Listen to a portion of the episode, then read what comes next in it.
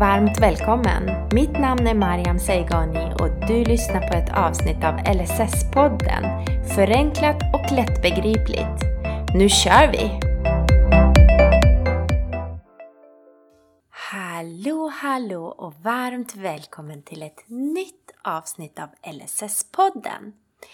Jag som pratar heter Mariam Seigani och jag har arbetat många år inom vård och omsorg. Och tanken med den här podden, det är ju att ge dig som lyssnar inblick i LSS. Det är ju lagen om stöd och service till vissa funktionshindrade. Och det är tanken att det ska ske på ett enkelt och lättbegripligt sätt. Och i de här 12 föregående avsnitten så har jag berättat allt från bakgrunden till LSS eh, till de olika rättigheter och skyldigheter som finns inom lagrummet. Och jag har också pratat lite grann om andra lagrum såsom till exempel socialtjänstlagen och HSL som är hälso och sjukvårdslagen och lite annat smått och gott som är både direkt och indirekt kopplade till LSS. Och jag har också valt att spela in ett avsnitt på persiska eh, för persisktalande lyssnare och även ett avsnitt där jag tog in en gäst som pratade om rättigheter och skyldigheter och lagar och regler och så vidare kring professionen personlig assistent. Så det har hänt mycket på de här senaste avsnitten. Och under de här, den här tiden då så har jag kommit i kontakt med många, många, många fina lyssnare. Eh, och de har kommit med tankar, funderingar och frågor och, och det har ju hjälpt mig att utveckla podden vidare. Och tack vare en av de här lyssnarna som som kontaktade mig så har jag nu valt att spela in några avsnitt av LSS-podden där jag återberättar historier som, som antingen har berättats för mig eller som jag själv har varit delaktig i i mitt yrkesliv. Och jag hoppas ju att det ska vara något som är till hjälp för dig som lyssnar. Och självklart, självklart har jag fått tillåtelse att återberätta av de här historierna av, av personerna som är berörda. Och jag är otroligt tacksam över deras engagemang och vilja att vilja dela med sig av sina historier.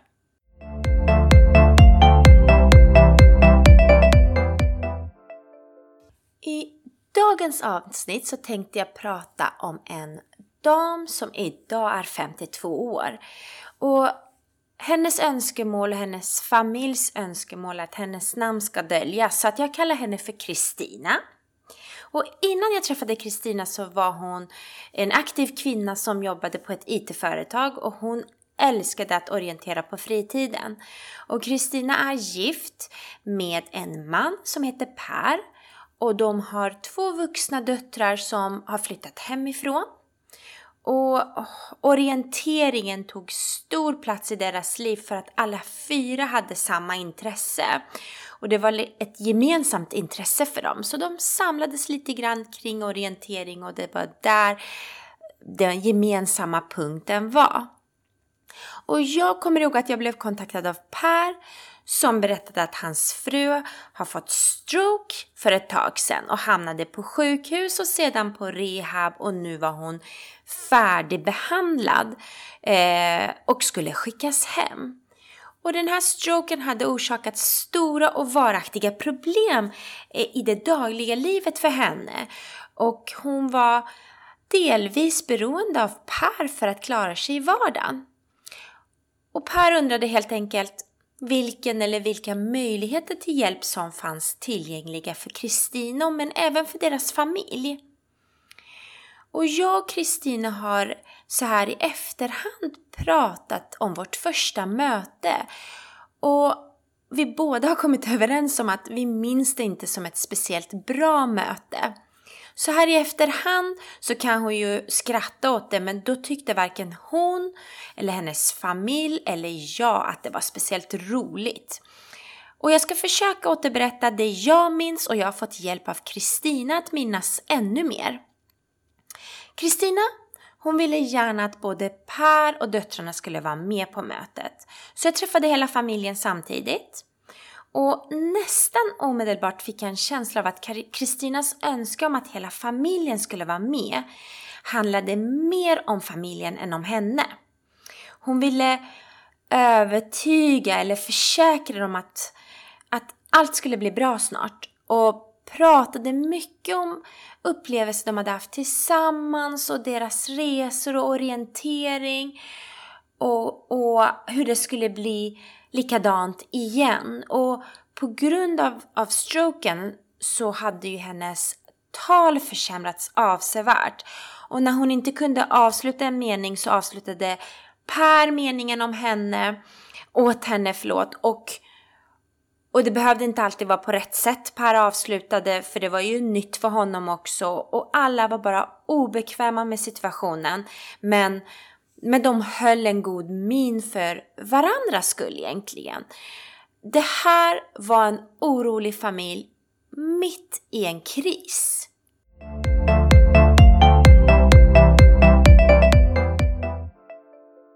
Som hände var då att jag började med att ta reda på bakgrunden och de fick berätta allt från början. Hur allt hade startat, hur det gick till när Kristina blev dålig och åkte in. Jag fick också höra om hur tiden på sjukhuset då var och hur rehabiliteringen gick till och det fanns mycket de var nöjda med och mycket de önskade att det hade skötts bättre. Eh, och för att kunna hjälpa Kristina och familjen så var jag tvungen att veta lite mer om hur hjälpbehovet såg ut just precis då.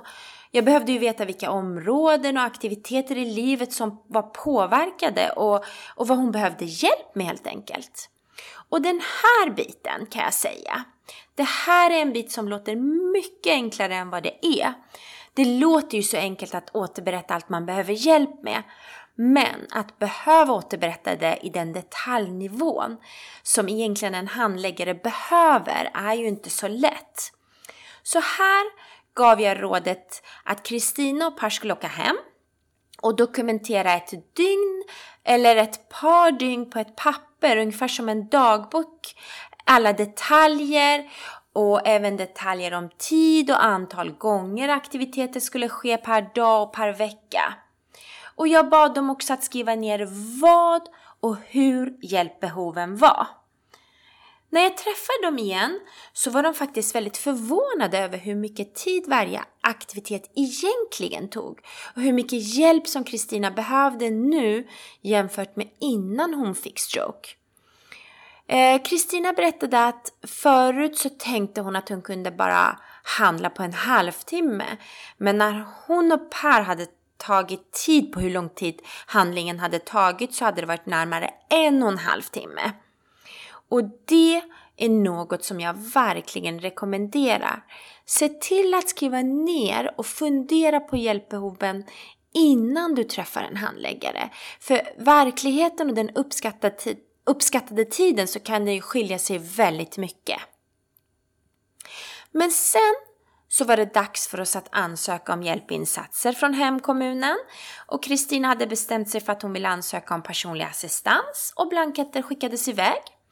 Och ganska kort därefter så hörde en LSS-handläggare av sig och bokade ett möte i, i parets hem. Och de bad mig att få vara, att vara med på mötet. Och jag tycker att min upplevelse var att mötet var väldigt avslappnat och handläggare hade med sig en kollega och både ställde frågor och Per och Kristina svarade efter det de hade dokumenterat i dagboken. Och de fick också skicka med läkarintyg och andra dokument som var relaterade till Kristina och, och det som de hade tillgängligt.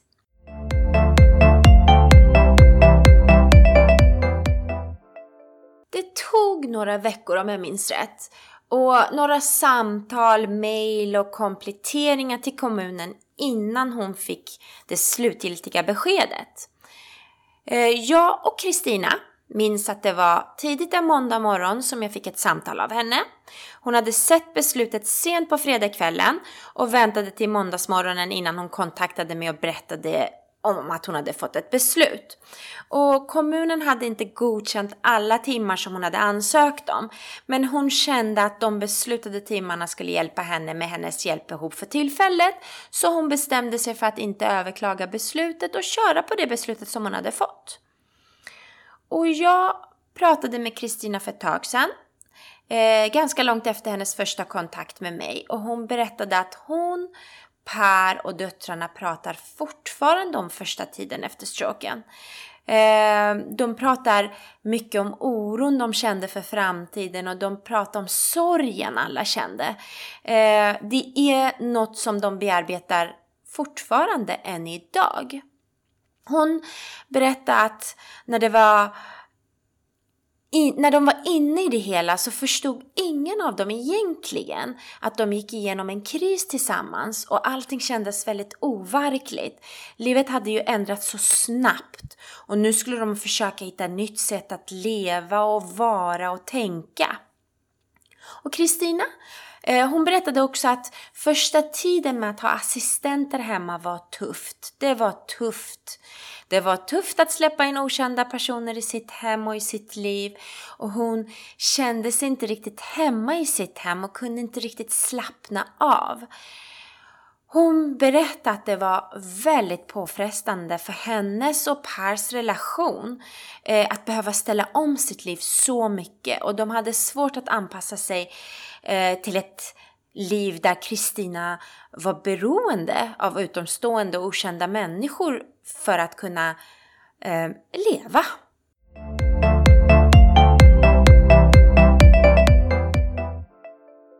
Kristina berättar att vändpunkten var när Linnea anställdes som hennes personliga assistent. Linnea var en tjej i, eller är en tjej i 30-årsåldern eh, och hon hade inga som helst tidigare erfarenhet av professionen och hade svarat på jobbannonsen egentligen på uppmaning av en kompis som redan jobbade som personlig assistent på ett annat ställe. Och kompisen tyckte att Linnea och hennes personlighet skulle passa så bra som personlig assistent. Och jag har pratat med Linnea om hennes upplevelse av arbetet eh, med och hos Kristina och jag lovar att jag ska även berätta om hennes version i avsnitten framöver. Men vi lämnar Linnea just nu och går tillbaks till Kristinas upplevelse. I alla fall så får Linnea träffa familjen så att Kristina får bestämma sig om hon vill ha henne som assistent eller inte. Och Kristina berättar att det klickade på en gång. Jag citerar eh, det som Kristina berättade för mig gällande Linnea. Hon säger att Linnea behandlade mig som människor behandlade mig innan stroken. Hon var lyhörd och genuin men även ganska hård. Jag behövde en person som henne i mitt liv. Eh, jag gick runt och tyckte så synd om mig och oss. Sen kom Linnea och jag vet inte hur hon egentligen kände, men hon visade i alla fall inte att hon tyckte synd om mig. Eh, missförstå mig inte. Hon hade och har mycket empati, men det är på rätt sätt liksom. Det var även Linnea som hjälpte till och anställde flera assistenter och till slut så hade jag ett gäng med härliga, ärliga och fantastiska personer som hjälpte mig och hjälper mig och stöttar mig i vått och torrt.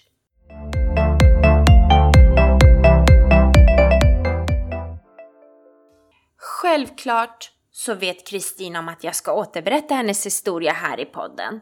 Och hon vet också anledningen till varför jag har skapat podden och varför jag önskat att få berätta om hennes historia för dig. Det är nämligen så att det kanske hjälper någon annan i samma situation. Så jag ställde en fråga till Kristina. Jag frågade henne, vad ger du för råd till Kristina för ett par år sedan när hon var mitt i det hela? Och hon svarade, jag skulle säga Kristina, ge det lite tid och ha tålamod. Och jag vill tacka Kristina och hennes familj för att jag fick dela med mig av deras historia. Och jag hoppas, hoppas verkligen att deras historia är till hjälp för någon annan. Tack för att du lyssnade och ta väl hand om dig och vi hörs snart igen.